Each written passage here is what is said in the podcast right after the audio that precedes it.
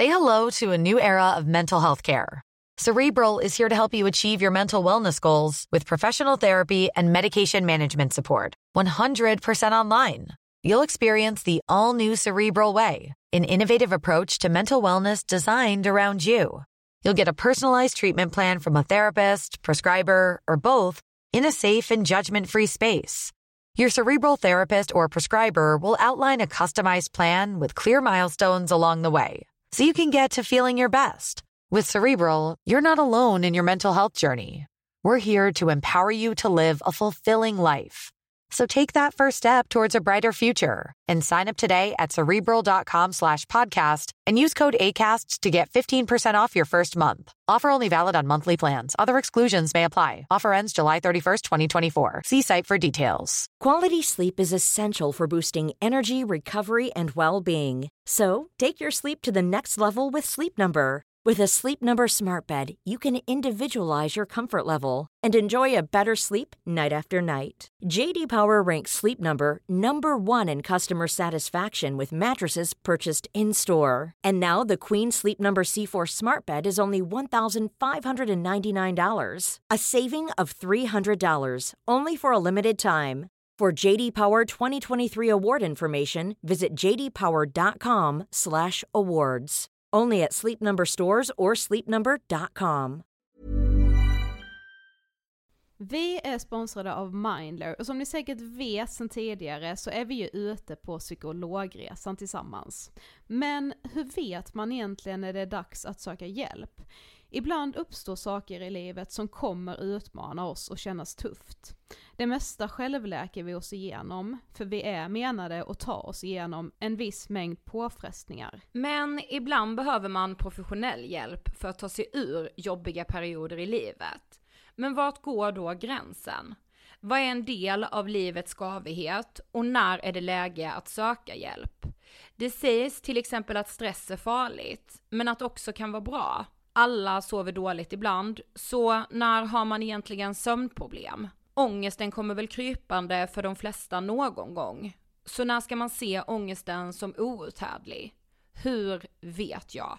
Med oss som psykolog har vi såklart min gamla psykolog Linnea Seidbrant. Okej, Linnea, hur mycket ångest är en del av livet och när ska man liksom söka hjälp för den?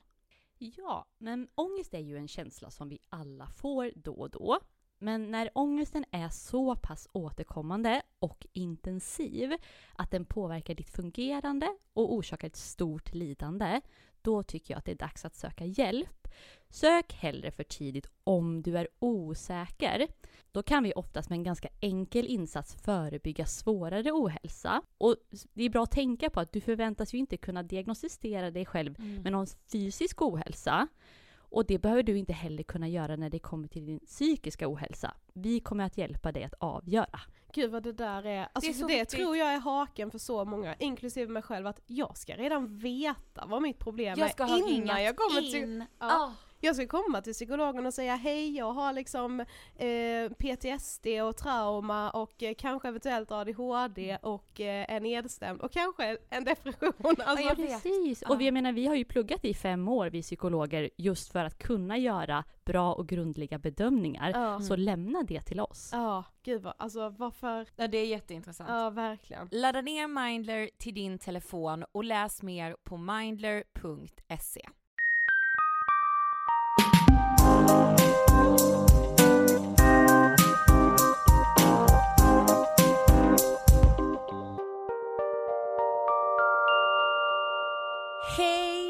på er och hjärtligt välkomna ska ni vara till avsnitt 135 av Ångestpodden! Halloj! Vi kändes det som att jag typ så här ville dra ut lite på hälsningen. Ja lite, den var några sekunder längre än den brukar vara. Ja, sant. Mm. Förra veckans avsnitt, tack så hemskt mycket för alla fina ord. Ja, tack så jättemycket. Det var faktiskt, jag ska inte säga att vi aldrig har fått det, men det var länge sedan vi fick så mycket fin respons på ett avsnitt och att så här, jag kände när jag klippte det att det kändes så himla viktigt och det är det många har skrivit också, att det var viktigt just. Precis, men vi hade ju absolut inte kunnat göra det utan Sara, så mest tacksam är jag för att Sara faktiskt ville gästa oss. Ja, och har ni inte lyssnat ännu så eh, är det en stark rekommendation från vår sida att lyssna på avsnitt 134, men det kan ni göra efter när jag lyssnar på det här avsnittet. Precis min tanke Sofie. Mm. Du läste mig. Jag är jättetaggad idag. Mm, jag Nej, med. jag är två grejer. Jag är taggad men sen har jag ångest också. Alltså ärligt talat, idag slår jag mig ner här med ångest. Mm. Ja men det är intressant för att jag ska eh, också prata lite om ångest. Fast det, det var typ värre igår fast det sitter ändå kvar lite idag med. Okej. Men jag Oj. ska börja med en annan sak Ja, som jag har fått, eller vi båda har fått men det har varit riktat till mig. ja. Mail angående den här pondusen som jag snackade om i Ah, men- början. Men kom ihåg, i början av eh, sommaren, nej det var det inte ens, i slutet av våren, Mm. början av sommaren, någonstans där, i maj, typ, typ i mitten på maj, Ja. så säger Sofie så här. det är en sak som jag ska ha den här sommaren, som jag ska ha med mig hela vägen och som jag liksom ska leva efter. Pondus. ja men jag gjorde ju en lista Precis. till dig och till mig och till alla som lyssnar. Ja. Där pondus var en punkt. Precis, och frågan på alla släppar, hur har det gått? skit! Nej men på riktigt alltså, det har fan inte gått bra. Okej, vadå då, berätta varför har det gått skit? Nej men jag vet inte alltså, för, det, för ibland kanske jag lite har glömt bort det och sen tror jag bara att jag är en person som liksom, Saknar fullständig pondus. ja typ, nej men så här, det kanske glider ihop lite med det jag hade ångest över igår. Jaha, vad var det då? Men alltså, ja, du kanske inte tänkte på det så, men när vi gick hem i lördags natt efter att vi hade varit ute, ja. så vet jag inte Gud om alltså vet vad jag älskar? nej, Det, alltså jag vet inte, jag fick någon sån här älsk-grej eh, i min, när du sa lördes, för det är vår dialekt, något så oerhört. i lördags. Folk som, folk som hatar vår dialekt, alltså de pikar ju nu i Ja. hat. Men jag, jag älskade det där. Förlåt, jag menar när vi, Lördags. Ja precis, det var en lördag natt. nej men då hade vi varit ute i alla fall och så gick vi hem och så vet jag inte liksom hur vi hamnade i den här diskussionen. Okej. Men du säger just, jag är ingen idealtjej. Ja. Och det bet sig fast i mig så jävla hårt. Ja. Inte att, jag menar inte nu att det här var ditt fel. Nej. Eh, Nej för det står jag fast vid nämligen. Eh, det bara var någonting som liksom så här väcktes i mig och jag, vi har typ pratat om det, alltså inte i podden men du och jag har pratat lite om det liksom i typ andra sammanhang, inte så att vi har sagt att jag är ingen idealtjej just utan Nej. då har vi typ mer valt att kalla det Flickvänsmaterial. exakt. Du, jag och Jossan, vår bästis, vi har ju pratat så mycket om det här på senaste tiden. Ja, att man inte är ett flickvänsmaterial liksom. Ja. Och sen igår... Och vad det nu är för fucking sjuk term. Ja, precis. Och sen igår, alltså jag vet inte om det blev liksom värre för att jag hade kanske lite kemisk bakisångest liksom. Ja. Men igår, ett tag under dagen, så bara, alltså det kändes verkligen som att ångesten över att jag inte är en idealtjej höll på att äta upp mig alltså. Vad fan var jag när detta hände? Jag vet inte fan, du var inte hemma ett tag, vad gjorde du igår? Jättekonstigt. Jag var hemma hela dagen. Nej, men kan det ha hunnit hända så mycket när du var och handlade? Nej, jag vet inte. Ja, men jag kände bara det i alla fall. Ja. Det kändes inte så kul att vara jag igår. Eh, och, Det är alltså måndag när vi spelar in detta ska vi säga. ja, eh, och jag kände mig typ så här, men jag kände mig liksom uppgiven. Mm. Och jag, jag blev liksom så jävla typ frustrerad på mig själv hur jag så här. ja men det är liksom skitstörigt att känna att man inte bryr sig så jättemycket om idealet, för det kan jag verkligen med handen på hjärtat säga att jag är långt ifrån färdig men jag bryr mig mindre om idealet än vad jag gjorde för typ bara ett år sedan. Ja, samma här. Eh, sen bryr jag mig fortfarande absolut och jag har dagar när jag liksom så här, ja men typ hatar min kropp och verkligen inte trivs och allt så här och kan inte alls anamma det som vi ju pratade om för senast en vecka sedan i podden liksom. Mm. Men jag, eh, ja men jag är inte lika styrd av idealet längre. Men så kan jag bli så frustrerad för att jag känner typ hur omvärlden fortfarande är så styrd av idealet Ja, och att det är det som gör att jag inte känner mig som en idealtjej Mm. och att jag då är rädd att det liksom ska hindra mig på något sätt. Att så här, människor jag vill ha i mitt liv kanske inte vill ha mig i sitt liv för att jag inte är en idealtjej. Ja, jag vet, jag fattar exakt. Och sen så kände jag typ hur jag så här jag vet inte liksom, jag försökte typ skriva ner vad det var jag kände men Mm. jag kände mig typ så här, alltså in, identitetslös är helt fel ord, för det är jag verkligen inte. Men jag kände typ ändå hur jag är ingen, alltså jag, igår hade jag verkligen en känsla av att jag är bara en sån som fyller upp ru- rummet. Ja. Jag är ingen som man kommer ihåg, jag är ingen som man lägger märke till extra mycket, jag är inte en sån där person, jag menar inte att jag behöver ta varenda rum och bara äga det, men jag Nej, vill ju fan nej, inte nej. heller bara vara en sån som bara fyller rummet. Och det, det är verkligen typ den känslan som jag, jag har kvar den fortfarande, men den var liksom ännu värre igår. Ja. Men och bara, fy fan vilken ångest jag bara fick av det, alltså Jo, alltså... Men alltså vet du, det här kommer med låta helt sjukt jag säger nu, men alltså jag relaterar till allting. Ja. Men du vet alltså, nu menar jag inte bara utseendemässigt utan jag som persona kan jag känna så här, jag har redan pikat. ja. Nu är jag på väg ner bara.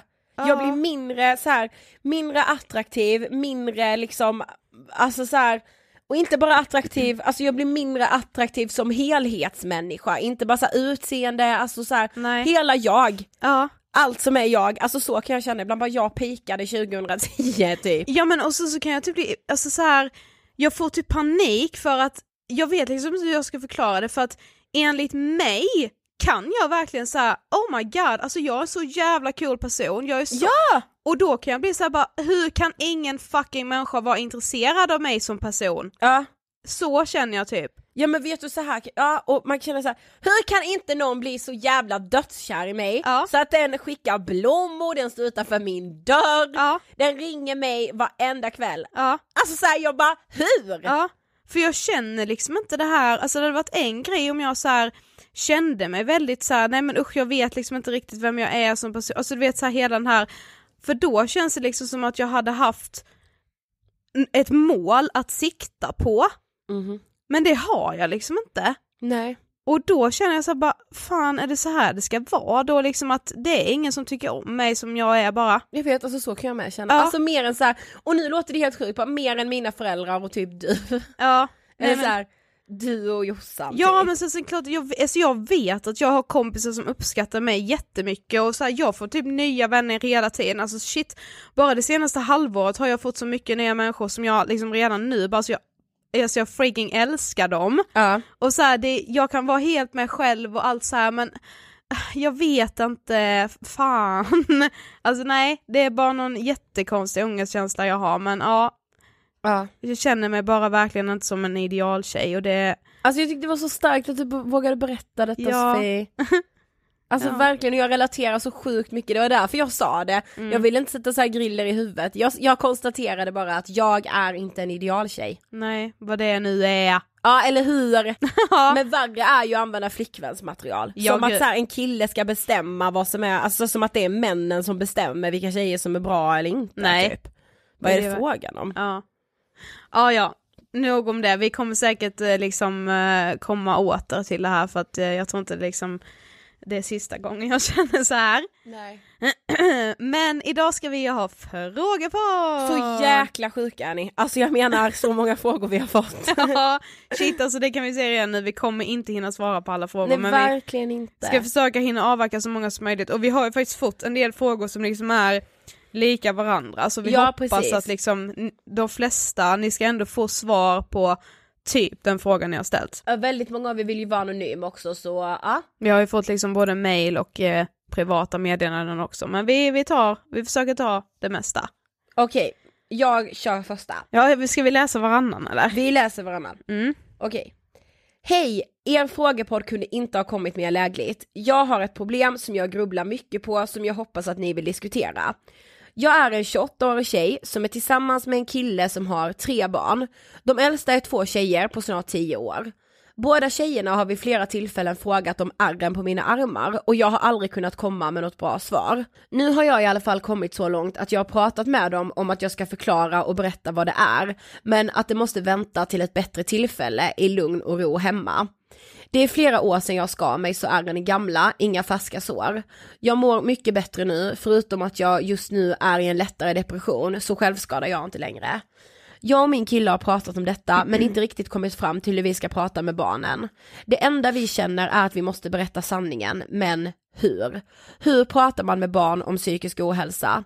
Hur berättar man om självskadebeteende utan att de någon gång i framtiden ska känna, hon gjorde ju det, det kanske är en bra grej att testa. Jag vet ju själv att jag där första gången jag skar mig tänkte på min klasskompis i gymnasiet som gjorde det och att det hjälpte henne, så kanske det kunde hjälpa mig med.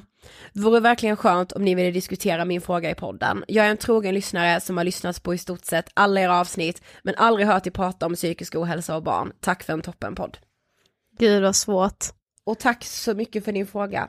Ja, alltså grejen är att jag innan liksom du hade läst klart frågan så tänkte jag bara direkt, äh, bara berätta. Ja. Alltså man måste liksom, jag tror inte att det är bra att liksom så här förfina verkligheten och dölja allt som är jobbigt för barn. Nej det tror inte jag heller. Men jag förstår ju också verkligen dilemmat i att man vill liksom på något sätt inte väcka en björn som sover. Alltså, Man vill inte trigga igång någonting nej, Nej, när barnen eh, någon gång mår dåligt. sen tror jag att om man så här, om man inte skulle berätta det Mm. i hopp om att så här, nej men då kanske de liksom inte kommer göra det själva. Alltså om barnen börjar må dåligt, då kommer de snubbla över ett självskadebeteende ändå. Alltså så här, Precis, jag tror ja exakt så alltså tänker du jag kan med. inte, välj ni att dölja det men de kommer inte bli, de kommer inte missa det Eh, anyway. Nej, precis. Nej, och att så här, jag tror att man måste vara väldigt öppen med barn tidigt om Mm. att så här, man kan bryta ett ben, man kan få cancer och sen kan man drabbas av olika former av psykisk ohälsa. Mm. Alltså, för idag pratar man inte någonting med barn om det. Det är inte konstigt att man då när man är 12 år och börjar känna att man mår så dåligt som man inte vill leva, inte vågar berätta det för någon. För det har aldrig pratats om det, det är klart man känner skam då för att så här, Jaha vad är, vad är det här jag känner nu? Eh, jag måste vara skitkonstig, ingen annan känner så här när det in fact är typ så här tio andra i klassen som känner exakt likadant men ingen har pratat om det för man är så himla rädd och bara vill skydda. Jag fattar verkligen frågan och jag fattar dilemmat men jag tror att man på liksom en tioåringsnivå ska berätta. Precis. Och lite så här, om man väl är öppen med det och berättar hur det har varit och så här, då kanske det tioåriga barnet, eller vem det nu än är, eh, börjar må dåligt, då tror jag liksom att barnet känner sig tryggt med att berätta för dig, för att du har ju varit öppen med att du har mått dåligt och det kommer ju barnet komma ihåg. Precis. Och då kanske det liksom inte leder till ett självskadebeteende för att barnet börjar prata om sin ångest liksom tidigare. ja. Eh, så jag tror faktiskt, ja på, på en tioåringsnivå, sen nu vad det är, det är ju jättesvårt för oss att säga. ja gud vi alltså, har ju inte ens egna barn. Nej så- anledningen till att vi typ inte pratar så mycket om så här psykisk ohälsa och barn som är så små liksom Mm. Det är väl typ för att vi inte riktigt, alltså så här, vi är inte föräldrar, vi Nej. har inga syskon i den åldern Alltså jag umgås ju inte med barn i den åldern som är så små direkt Nej precis. Nej. eh, Men jag tror ju verkligen på öppenhet, alltså det är det som kommer liksom bryta tabun, det är det som kommer få Ja men alla fördomar som finns att sakta men säkert suddas ut liksom. Mm. Sen tror jag så här, vi har ju pratat om självskadebeteende i podden, det gjorde vi väldigt tidigt i ett av de första avsnitten, men då pratade vi också om självskadebeteende och inte hur Jenny som då gästade, Mm. hur hon hade gått tillväga. Nej. Du behöver inte säga exakt hur du har fått dina ärr, men berätta att du har gjort illa dig själv för att liksom, Men inte såhär med vad eller exakt, alltså så här, nej precis, utan att du har skadat dig själv och på så sätt, det är därför du har de här ärren liksom. precis. Alltså vi är ju inget facit, Nej, men men det vet ni ju. ja precis. Okej, då tar jag nästa. Hur har ni i era liv gjort för att hantera stress? Jag börjar nu åttan och har varit sjukt stressad i hela sjuan. Folk runt omkring mig var oroliga att jag höll på att gå in i väggen. Har ni några tips på vad jag ska ta mig till för att inte stressa så mycket kring skolan? Betyg, intryck, åsikter om mig, komplex och så vidare. Alltså grejen är, jag har ju verkligen alltid haft det här som problem också. Mm. Alltså just stress. Och det låter så himla tråkigt att säga så här, ah, men försök strukturera upp saker, la la la la la. Men grejen är när jag gör det för mig själv, då får jag också mindre stress. Mm. Eh, och också som är så svårt men också så viktigt, att våga säga nej till saker och ting. Mm. Eh, och vad det kan vara ju individuellt för varje person, men alltså att så här, i skolan kan ju det vara så här, våga skriva IG på ett prov, för om din stressnivå är så pass hög så du känner så här, nej men alltså jag kollapsar om jag ska sätta mig och plugga en sak till. Det är inte bra. Det är bättre, då är det starkare och jag tror man får ut mer av att så här, jag kommer faktiskt skriva IG på det här provet, eller jag kommer, jag kommer inte plugga, jag går och gör provet, får se hur det går. Eh, ja men verkligen så här, sänka kraven på sig själv. Ja, och typ så här, om du nu vill ha höga betyg, fokusera på de ämnena som du verkligen tycker är roligt och sen typ acceptera att du orkar inte, alltså det, det är egentligen, alltså det är få förunnat att kunna liksom plugga, plugga, plugga, plugga och allt annat som man ska göra när man går liksom i sjuan, åttan utan att bli stressad. Ja. Eh, och är du påverkad av stress och mår dåligt av det, då får du typ acceptera att det är så och lägg mest krut på de ämnena som du verkligen tycker är kul och som du brinner för. ja precis, man ska ju inte acceptera att gå runt med stress liksom. Nej, precis. Alltså verkligen inte, utan så här. Och sen som, är, som vi har sagt så många gånger som jag tycker är så viktigt, att faktiskt ta till kuratorn, ungdomsmottagningen och så här prata om alltså, vad man känner. Att så här, eller så med sin lärare i de ämnena att så här, alltså vet du vad, jag känner mig så stressad i skolan. För det är så här, jag tycker det är, det är skolans skyldighet att anpassa efter varje elevs liksom förmåga. och det precis. handlar ju inte om att man så här, är dålig på något sätt eller så här, att vara stressad är skitjobbigt och man är det olika mycket i olika perioder. Eh, ja. Och sen så här åsikter om dig, alltså det är jättesvårt, liksom annars hade inte jag suttit och haft den här utläggningen som jag hade i början på det här avsnittet men man måste ju typ försöka att inte bry sig om vad alla andra tänker om en. Alltså så länge man själv känner sig nöjd så, så är man bra liksom. ja men jag vet, men grejen är det är så svårt att känna sig nöjd. Ja, jag vet. Det är ju det som är så svårt. Mm. Men jag, när jag har så här dagar där jag verkligen så känner inifrån och ut att jag bara shit, jag bryr mig inte vad någon tänker om mig, vad någon tycker om mig. Alltså det är ju bland det mest befriande att känna. Ja, alltså jag tror att alla har liksom dagar när man bryr sig mer och mindre, men de dagarna när man känner att man inte give a fuck om Ja. vad någon annan tänker, alltså omfamna de dagarna lite mer, alltså passa typ på då kanske s- skriva ner lite känslor som du känner, eh, liksom så här så att du kan gå tillbaka till de anteckningarna de där dagarna när du, du liksom känner att du bryr dig om liksom vad eh, någon du möter på gatan tänker om dig som du Ja. inte har någon relation med. Så att man liksom så här kan typ inspirera sig själv lite Precis. ifrån de dagarna när man inte bryr sig. Ja men det tror jag på. Ja. Hej! Tack för en jättebra och viktig podd. Såg att ni skulle ha en frågepodd så tänkte att jag kunde passa på att ställa lite frågor. Vill se om ni kanske kan känna igen er eller upplevt något liknande. Okej nu får vi alltså mer än en fråga. Jag känner ångest ganska ofta över att jag inte har det där toppenjobbet som några av mina vänner har som pluggat samma utbildning som mig. Nu har det gått några år sedan jag blev klar med min utbildning och det känns som att jag står och stampar och aldrig får chansen fast att jag vet att jag är bra på det jag gör. Helt plötsligt står man där och börjar tvivla på sig själv och undrar vad det är som är fel på en eller vad man gör för fel. Jag vet att man inte ska tänka så, men man jämför sig gärna med andra och använder sig gärna av uttrycket alla andra har ju lyckats i livet när det kanske egentligen handlar om tre, fyra stycken. I alla fall gör jag det. Nu när ni har er härliga och otroligt viktiga podd, känner ni att ni uppnått ert mål eller kan ni känna ibland att ni inte är där ni vill vara karriärsmässigt? Herregud. Jämför ni er med andra? Tror ni man blir nöjd någon gång eller tror ni att man alltid hittar något att klaga på även om man, även om man fått sin dröm i uppfyllelse? Nej jag är absolut inte nöjd kan jag bara Gud säga. vad börjar man ens? Ja. Men gud vad jag också fick en tankeställare av det här. ja. Alltså, och sen skriver hon också så här, tusen tack för att just ni startade Ångestpodden, ni är helt fantastiska och så härliga att lyssna på. Man blir alltid så glad av er podd. Åh, tack. Tack så jättemycket. ja men vet du vad som slog mig? Nej. När hon skriver så här, man alltid hittar något att klaga på även om man fått sin dröm i uppfyllelse. Ja. För två år sedan, ungefär, hade jag en enda dröm som jag tänkte att om det här går i uppfyllelse, då kommer jag vara lycklig i resten av mitt liv. Mm. Och det var att jag skulle få driva eget företag och jobba med Ångestpodden. Mm. Jag kan vissa dagar känna att jag, och det låter så här, det låter, alltså det låter så helt befängt det jag kommer säga nu, Mm. men jag säger det döm mig inte. Mm.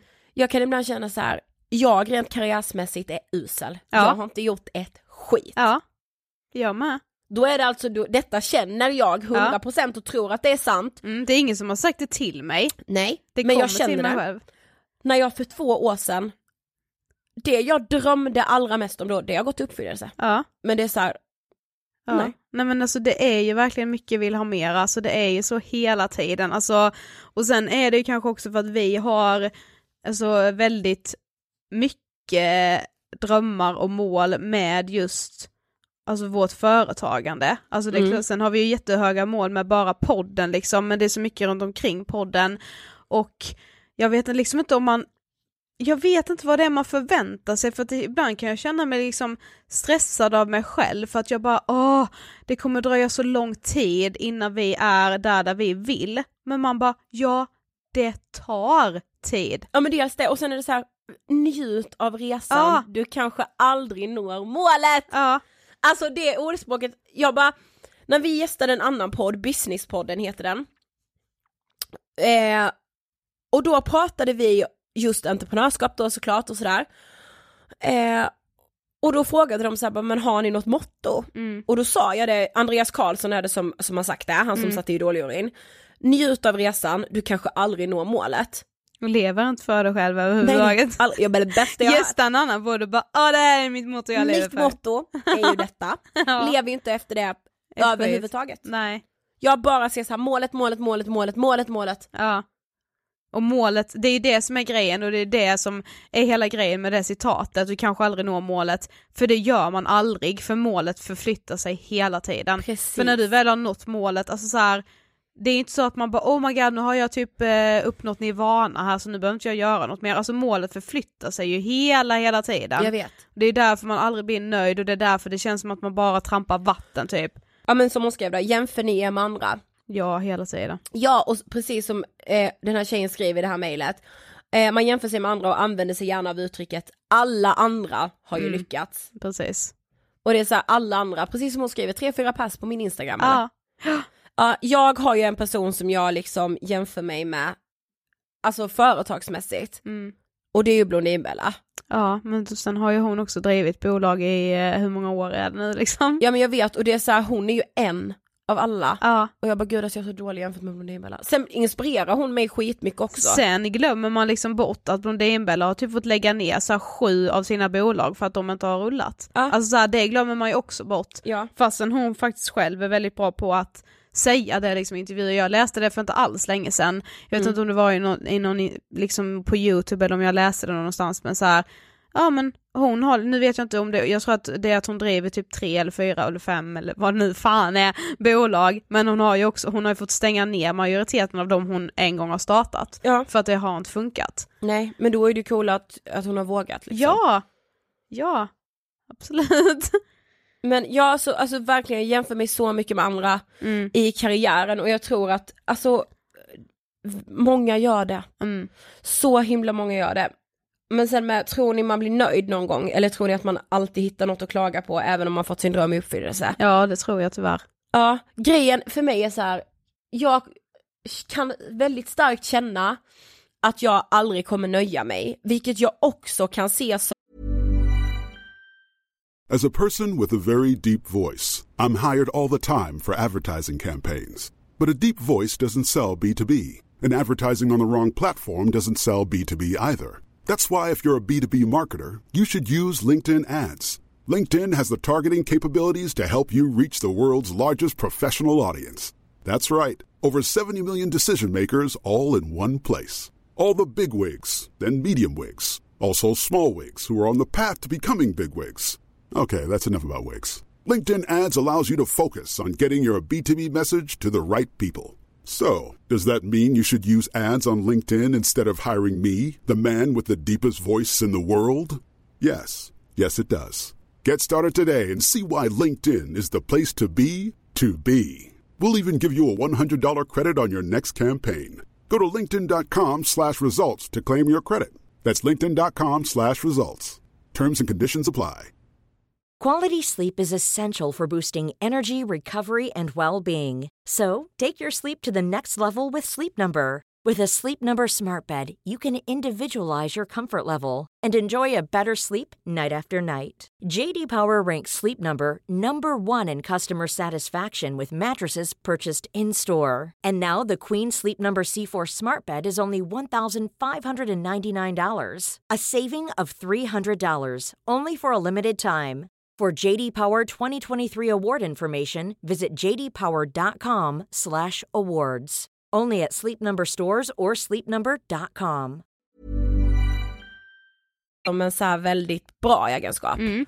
Att så här, jag vill jobba hårt, för jag vill hela tiden lära mig nya saker, nå nya mål, utveckla någonting som jag alltid har drömt om att göra. Jag, sa, jag, klart- jag, jag misslyckas hellre och utvecklas på vägen Ja. än att inte ens försöka. Men det är klart att det är farligt också. Mm. För det är så här, du hittar någon ny att jämföra det med och sen hittar du någon ny och ny och ny och en till. Mm. Till slut, om jag hela tiden en dag skulle så bara läsa vad alla andra gör på, på Instagram, alltså du vet så här. Den Mm. utvecklar det, den har gjort det, den har fått den investeringen typ, om Mm. man snackar företagande liksom. Då skulle jag ju i slutet av dagen känna så här, jag är sämst. Ja, så jag kan lägga ner är nu. så dålig, Mm. precis. Ehm, jag tror att man, alltså man måste stanna upp och bara så här, ja men som hon skrev i mejlet så här, jag vet att jag är bra. Mm. Att så här, att tro på det också och att så här, skryta lite om att man- jag är bra. Ja, precis. Jag tror det. Okej, här kommer lite kortare fråga. Ja. Vem är er drömgäst i Ångestfadden? Åh, Någon i kungafamiljen skulle vi vilja ha. ja, Helst kronprinsessan Victoria. ja, eh, jag har ju liksom en drömgäst since forever och det är ju Filip Hammar. Mm. Fredrik har ju, Fredrik Wikingsson har ju gästat oss Mm. med Filip Hammar för att eh, det är typ min, en av mina största idoler. Mm. Zlatan hade varit kul. Det hade varit så jäkla nice. Mm. Justin Bieber. ja, där. Vi stoppar där. Sen ska vi komma ihåg att många av de gästerna vi har haft har varit drömgäster. ja, gud ja. Simon Kjaga var en av våra största drömgäster någonsin. Mm. Eh, Okej, nu kör vi nästa fråga. Mm. Hej, jag undrar hur ni ser på psykiska sjukdomar som depression som kommer tillbaka gång på gång och drar ner en och får en att tappa livslusten. Kan en sån person bli bra igen? Finns det alltid hopp? Vill tacka er för vad ni gör. Började lyssna i en mörk period då jag kände mig deprimerad. Och sen dess har jag börjat känna mig mer och mer stabil i mitt mående till stor del på grund av podden. Ni har blivit riktiga förebilder för mig. Tack, massa kärlek från mig till er. Ida 22 år. Ni, ni får läsa upp allt om ni vill, namn också har hon nämligen skrivit. Ja, tack Ida. Tack så jättemycket Ida, fan vad jag blir glad. ja. Men Okej. ja, självklart finns det alltid hopp. Alltså jag är helt övertygad om det. Ja. Alltså jag är verkligen det. Det gäller bara att liksom hitta rätt nyckelpersoner som kan ge en de där nycklarna som bara förändrar så mycket Mm. Av liksom hur, alltså man måste ju, jag tror liksom verkligen att vissa personer har lättare för att liksom eh, må dåligt och speciellt om man redan har mått dåligt men det gäller ju verkligen att få rätt verktyg och verktygen ser olika ut för alla. Ja. Det tror jag är så viktigt att komma ihåg och då gäller det bara att man så här träffar liksom rätt person som, som förstår vilka verktyg det är man behöver. Men alltså grejen är, jag är helt övertygad om att det alltid finns hopp. Ja, ja, jag med. Ja, ja, absolut att det finns. Ja. Okej. Ja. Hej fina Ida och Sofie, er podd är den bästa och jag älskar den för den får mig väldigt lugn när jag har ångest. Mina frågor till er frågepodd nästa vecka, det är två frågor här nu, Okej. är om ni har varit mobbade när ni var yngre och vid vilken ålder ni började sminka er. Älskar er. Åh, älskar dig! Ja, love you! Eh, nej, jag har inte varit mobbad. Nej. Eh, nej, alltså nej, det är bara nej. Nej, jag har inte varit mobbad. Jag har haft mobbning, alltså så här, min lillebror har varit mobbad. Så Ja. att jag vet liksom hur det är att, att vara eh, den personen i liksom så här mobbningsproblematik, men jag har själv inte varit utsatt.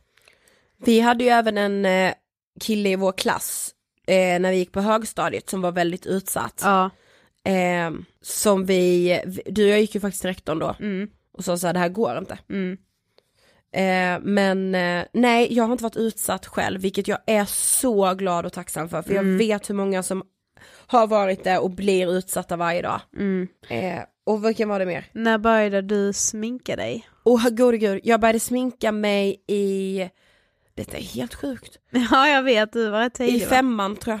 Ja, Vad, gammal är man då Sofie? Oj, men jag kan inte sånt. 12, 11, 12 Ja. typ. Det är fruktansvärt. Jag började sminka mig, alltså det beror på vad man menar med sminka sig, men alltså jag började väl ha mascara när jag började sjuan. Okej. Okej det är fruktansvärt säger jag så här. nej det kanske det inte är för det kan vara ett jätte jättehärligt intresse men det beror på varför man sminkar sig. När jag var liten Ja. så sminkade jag mig nog för att jag var liksom rädd för att inte passa in eller så här, jag, att jag verkligen trodde att jag blev så mycket finare med det här sminket. Eh, för, för andra liksom. Mm. Eh, och då, då, man ska inte börja sminka sig för att bli fin för någon annan, man ska sminka sig för att man tycker det är kul och för att man känner sig fin själv. Mm. Tänker jag. Okej det lät verkligen as-cheesy men alltså du Men fattar. det är ju sant. Nästa fråga. När livet känns skit, vad gör ni då för att må bättre? Mm, jag försöker bara att umgås med personer som kan få mig att eh, tänka på något annat. Alltså så här, det behöver inte alltid vara personer som får mig att skratta eller personer som liksom bara gör mig glad, alltså det gör de ju liksom indirekt, men bara att umgås så att man får tänka på något annat. Verkligen. Det behöver liksom inte alltid vara någon som står en jättenära heller, sen är det väldigt bekvämt och skönt. Mm. Men försöker göra saker så att jag får tänka på något annat bara. Ja alltså jag känner med så, alltså att jag verkligen försöker prata om att jag mår skit, bara såhär Mm. jag har den värsta dagen någonsin typ. Ja. Men sen alltså grejen är, jag har ju vissa sådana saker som jag gör, som jag verkligen kan ta till. Mm. Det ena är, detta är ju jätteindividuellt såklart, men att man kan hitta det här. Det ena är att jag kollar på Filip och Fredriks tv-program, det låter helt sinnessjukt att jag är besatt av dem typ. Mm. men, men de för mig är liksom underhållning på högsta nivå, så jag kan kolla på något gammalt, alltså så här, vad som helst gammalt. Det är det första. Eh, och sen också att jag går på fotboll. Jag hejar ju på Bayern och eh, fotbollsmatch är det mest ångestdämpande någonsin för mig. Mm. För då får jag liksom fokusera på något helt annat. Sen är det så här, jag kan ju inte springa på fotboll om jag får en ångestattack en onsdagskväll och bara ah shit spelar de eller? Nej. Men så här, jag ser alltid väldigt mycket fram emot matcherna, inte bara för att jag tycker det är kul att se utan också för att jag vet att jag mår bra där. Mm. Jag, jag försöker typ göra saker med där jag slipper så jämföra mig med andra, alltså om jag redan har ångest, Ja. då kan min ångest gödas så sjukt mycket bara av att sätta på en vlogg på, på någon youtuber, för då börjar jag tänka att åh den youtubern har liksom eh, så mycket pengar och nu har hon köpt ny lägenhet där och nu gör hon det och åh, hon är så lyckad och jag är så fucking misslyckad. Alltså, Ja jag vet, det då bara tips. fortsätter det spinna på liksom. Ja. Men om jag så här inte liksom vill lämna lägenheten då kan jag så här sätta på någon livekonsert på youtube och typ titta på hela den och så här, för att jag gillar musik och så Ja. här.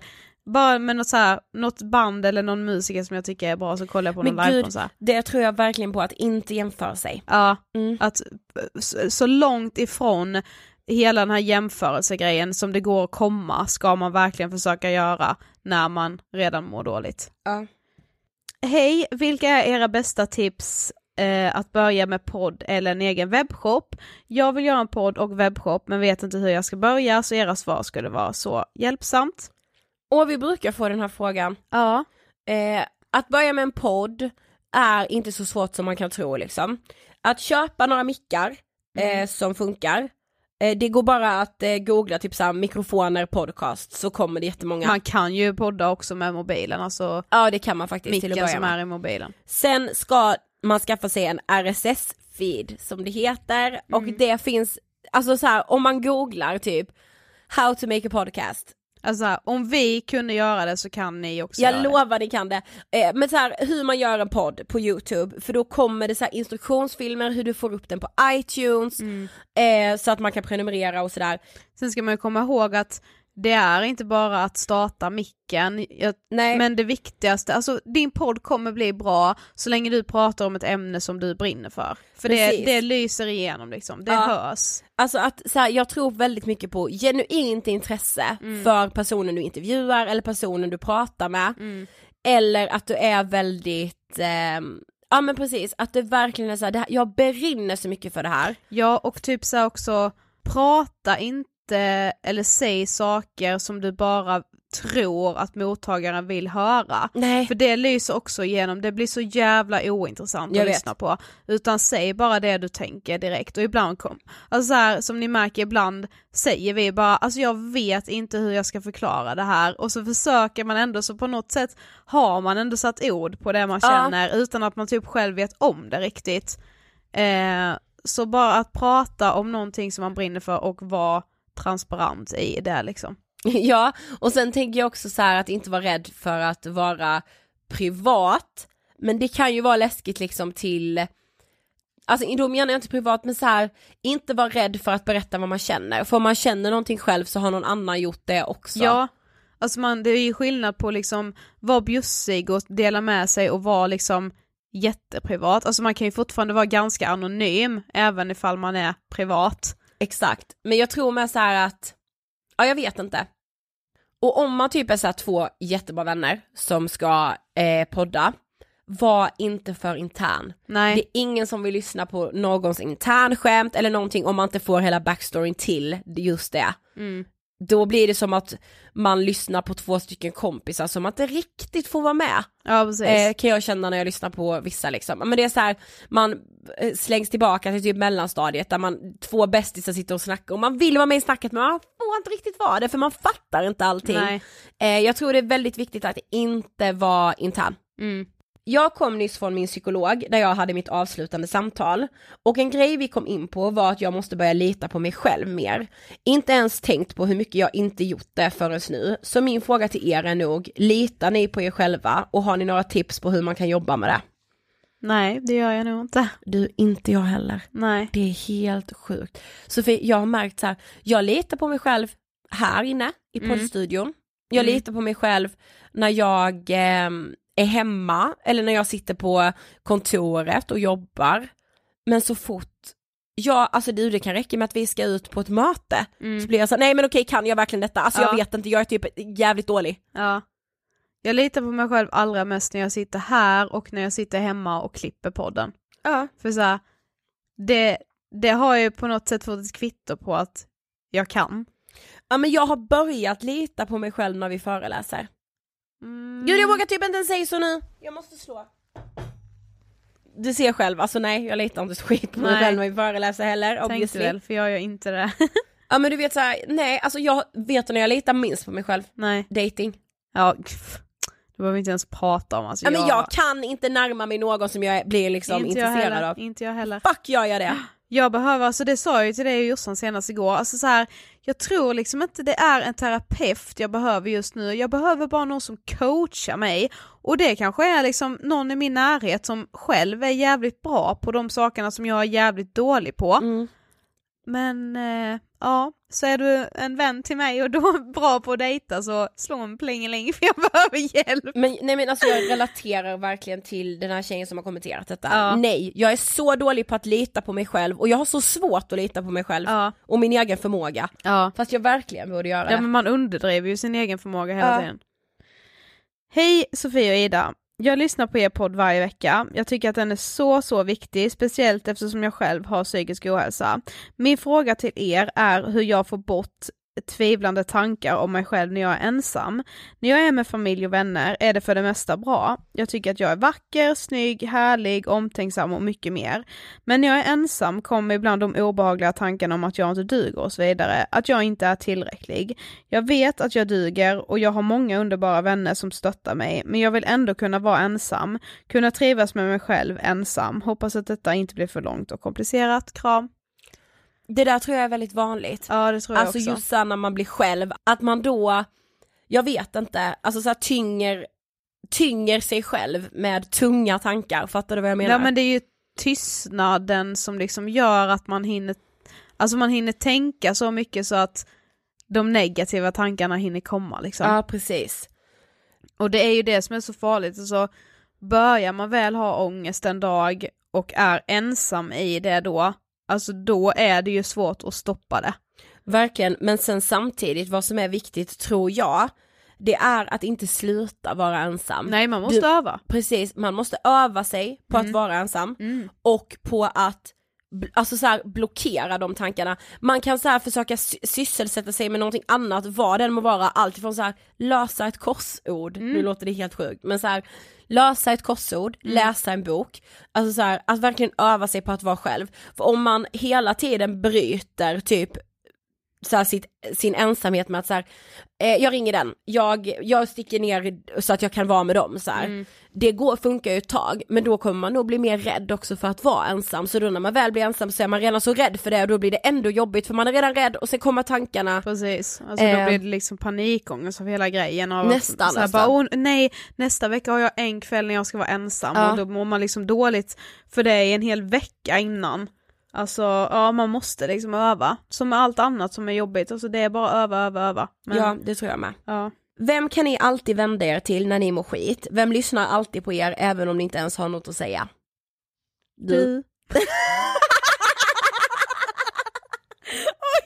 Det där var det sjukaste. Det var som att vi bara ett, två, tre, du! Men på riktigt fan vad fint. Ja. Skitjobbigt med att vara du och du hade så börjat säga något annat Ja jag namn. bara mamma. Ja. Nej men du verkligen. Ja. Och eh, alltså så här, sen har jag såklart helt underbara andra vänner med liksom i min närhet och mina föräldrar. Mm. Eh, ja, det där var helt sjukt. Um, Okej. Till frågepodden. Min kille var otrogen, han var tillsammans med en annan tjej samtidigt som mig. Hon han var tillsammans med visste även om mig. Vi har ju slut men jag har fortfarande kvar honom på Snap med mera. Vi är vänner och han skriver ganska ofta till mig, frågar hur det är och så vidare. I- Ibland känns det lite som att han gör det bara för att han vill veta om jag har kvar känslor för han och mår dåligt över det han gjorde och vill typ håna mig för det. Jag vet inte om jag borde blocka han överallt och försöka glömma allt han jo- gjorde eh, eftersom jag mår väldigt dåligt över det och tycker att det är jobbigt att se honom dyka upp och på displayen hela tiden och vill skryta över att han och hon han var otrogen med fortfarande är tillsammans och har det så bra eller om jag ska ha kvar honom. Blocka. Blocka. Nej men ni vet så här, det här mönstret, gud. Ta bort honom, alltså Ja. verkligen vad är det frågan om? Ja, men och nu menar jag egentligen- inte mot dig utan mot, från, från hans sida. Mm. Vad håller han på med? Ja men så här, hur svårt det än är, alltså man mår så mycket bättre av att blocka personer som inte tillför en något mer än skit. Nej men och sen är det så här, men så här har det fått vara för mig liksom. Alltså, jag har haft en person i mitt liv som jag, jag kunde inte se vad den personen gjorde, vad den personen la upp, ah, ingenting. Jag var tvungen att avfölja överallt, ta bort överallt. Mm. Inte för att jag var arg på den personen, hatade den personen, överhuvudtaget inte, det handlade inte om det. Nej det handlade för min över. egen skull, för att skydda mig själv. Mm. Eh, för om man inte mår bra av att se den personen då ska man inte ha den personen där. Och det behöver Nej. inte vara något den personen gör, nu är det det i det här Ja fallet. i det här fallet är det bara det är Ja, stenklar block alltså. Ja verkligen, han, Mm. du förtjänar så mycket bättre, Mm. han ska kastas i sopan Alltså alltså. ta bort överallt. Verkligen. Snap, Facebook, Instagram, allt. Ja, men det kan ju faktiskt också vara så att man så här man menar verkligen inget personligt mot den personen eller så här, Nej. men man behöver det för att själv kunna så här, gå vidare i sitt liv. Ja. Jag Eh, och med sen det. kanske man kan följa tillbaka när man säger nej men shit nu är jag på en annan plats i livet liksom. Mm. Men jag tror Men, med ja. det. Jag har också haft en sån person som jag så här. Eh, ja liksom man behöver inte dra någon backstory liksom men där jag så här. jag gjorde en väldigt drastisk sak som gjorde att den här personen typ ville bryta kontakten med mig, det var ju Ja. det jag ville göra också. Ja. Men så här att vara, att göra något så drastiskt så att man så här. det här gör att vi har något kon- en konkret anledning till att bryta kontakten med varandra. Och hade jag inte gjort det då så hade jag fortfarande varit i något så här mellanläge med den här personen, Ja. jag vet det och den här personen var också, det var en man som var i ett förhållande med en annan tjej men han Ja. hade mig vid typ sidan om Precis. och så här, det funkar inte och jag, det, jag har mått så mycket bättre efter det. Ja. Alltså det är bara att klippa. Det är verkligen det bästa. Ja. Sen det låter liksom så här, det låter så jävla drastiskt, så här, så här blocka, ta bort eller göra någonting så att man själv blir blockad. Alltså så här, men alltså det är ju inte så dramatiskt som det typ låter, det är Nej. bara ens eget bästa. Precis. Det är bara bort, bort med skräpet höll jag på att säga. Nej Ja. men på riktigt, bara blocka honom. Lycka Ja. till. Har ni någon gång bråkat med varandra, ett riktigt stort bråk? Mm. Alltså vi har ju bråkat, det Ja. gör vi ju liksom lite då och då. Men det beror på vad man menar med så stort bråk, alltså Mm, det har ju inte alltså- varit så, här så att vi inte har pratat med varandra på en hel vecka liksom. Nej, nu för tiden är det väl mest saker man är oense om, Mm, rent företagsmässigt. mm. Typ som, nej jag skojar. Typ som där Ida, Ska det tycker jag. vi blir ovänner här, vi eller får så stänga av. Ja. Ja, jag har det bra, hej. nej, nej men så här, när vi var yngre, ja då bråkade vi. Jag kommer ihåg någon gång vi bråkade i skolan, vi skulle inte prata med varandra men sen Mm. blev vi vänner på helgen typ. Ja. Eh, och någon gång med när vi bråkade, alltså vi har ju bråkat så några dagar över att vi är ovänner. ja. Men jag vet inte, jag kan inte säga vad det längsta är liksom, det har inte varit så här veckovis. Nej och det har inte varit någon så här grej typ egentligen. Nej. Okej, men jag kör sista nu då. Ja. Hur har ni tänkt vidareutveckla ert företag? Vad gör ni om tio år? Wow, vilken kul fråga. Mm. Ehm, alltså grejen är så här, vi har så otroligt mycket idéer Ja, vad vi vill göra. Men om tio år så har vi gjort någonting för hela världens psykiska hälsa. Mm. Och vi har anställda Mm. och vi, eh, ja, jag vet inte. Nej men jag... Vi, vi, vi, du och jag gör mer tv också. Ja.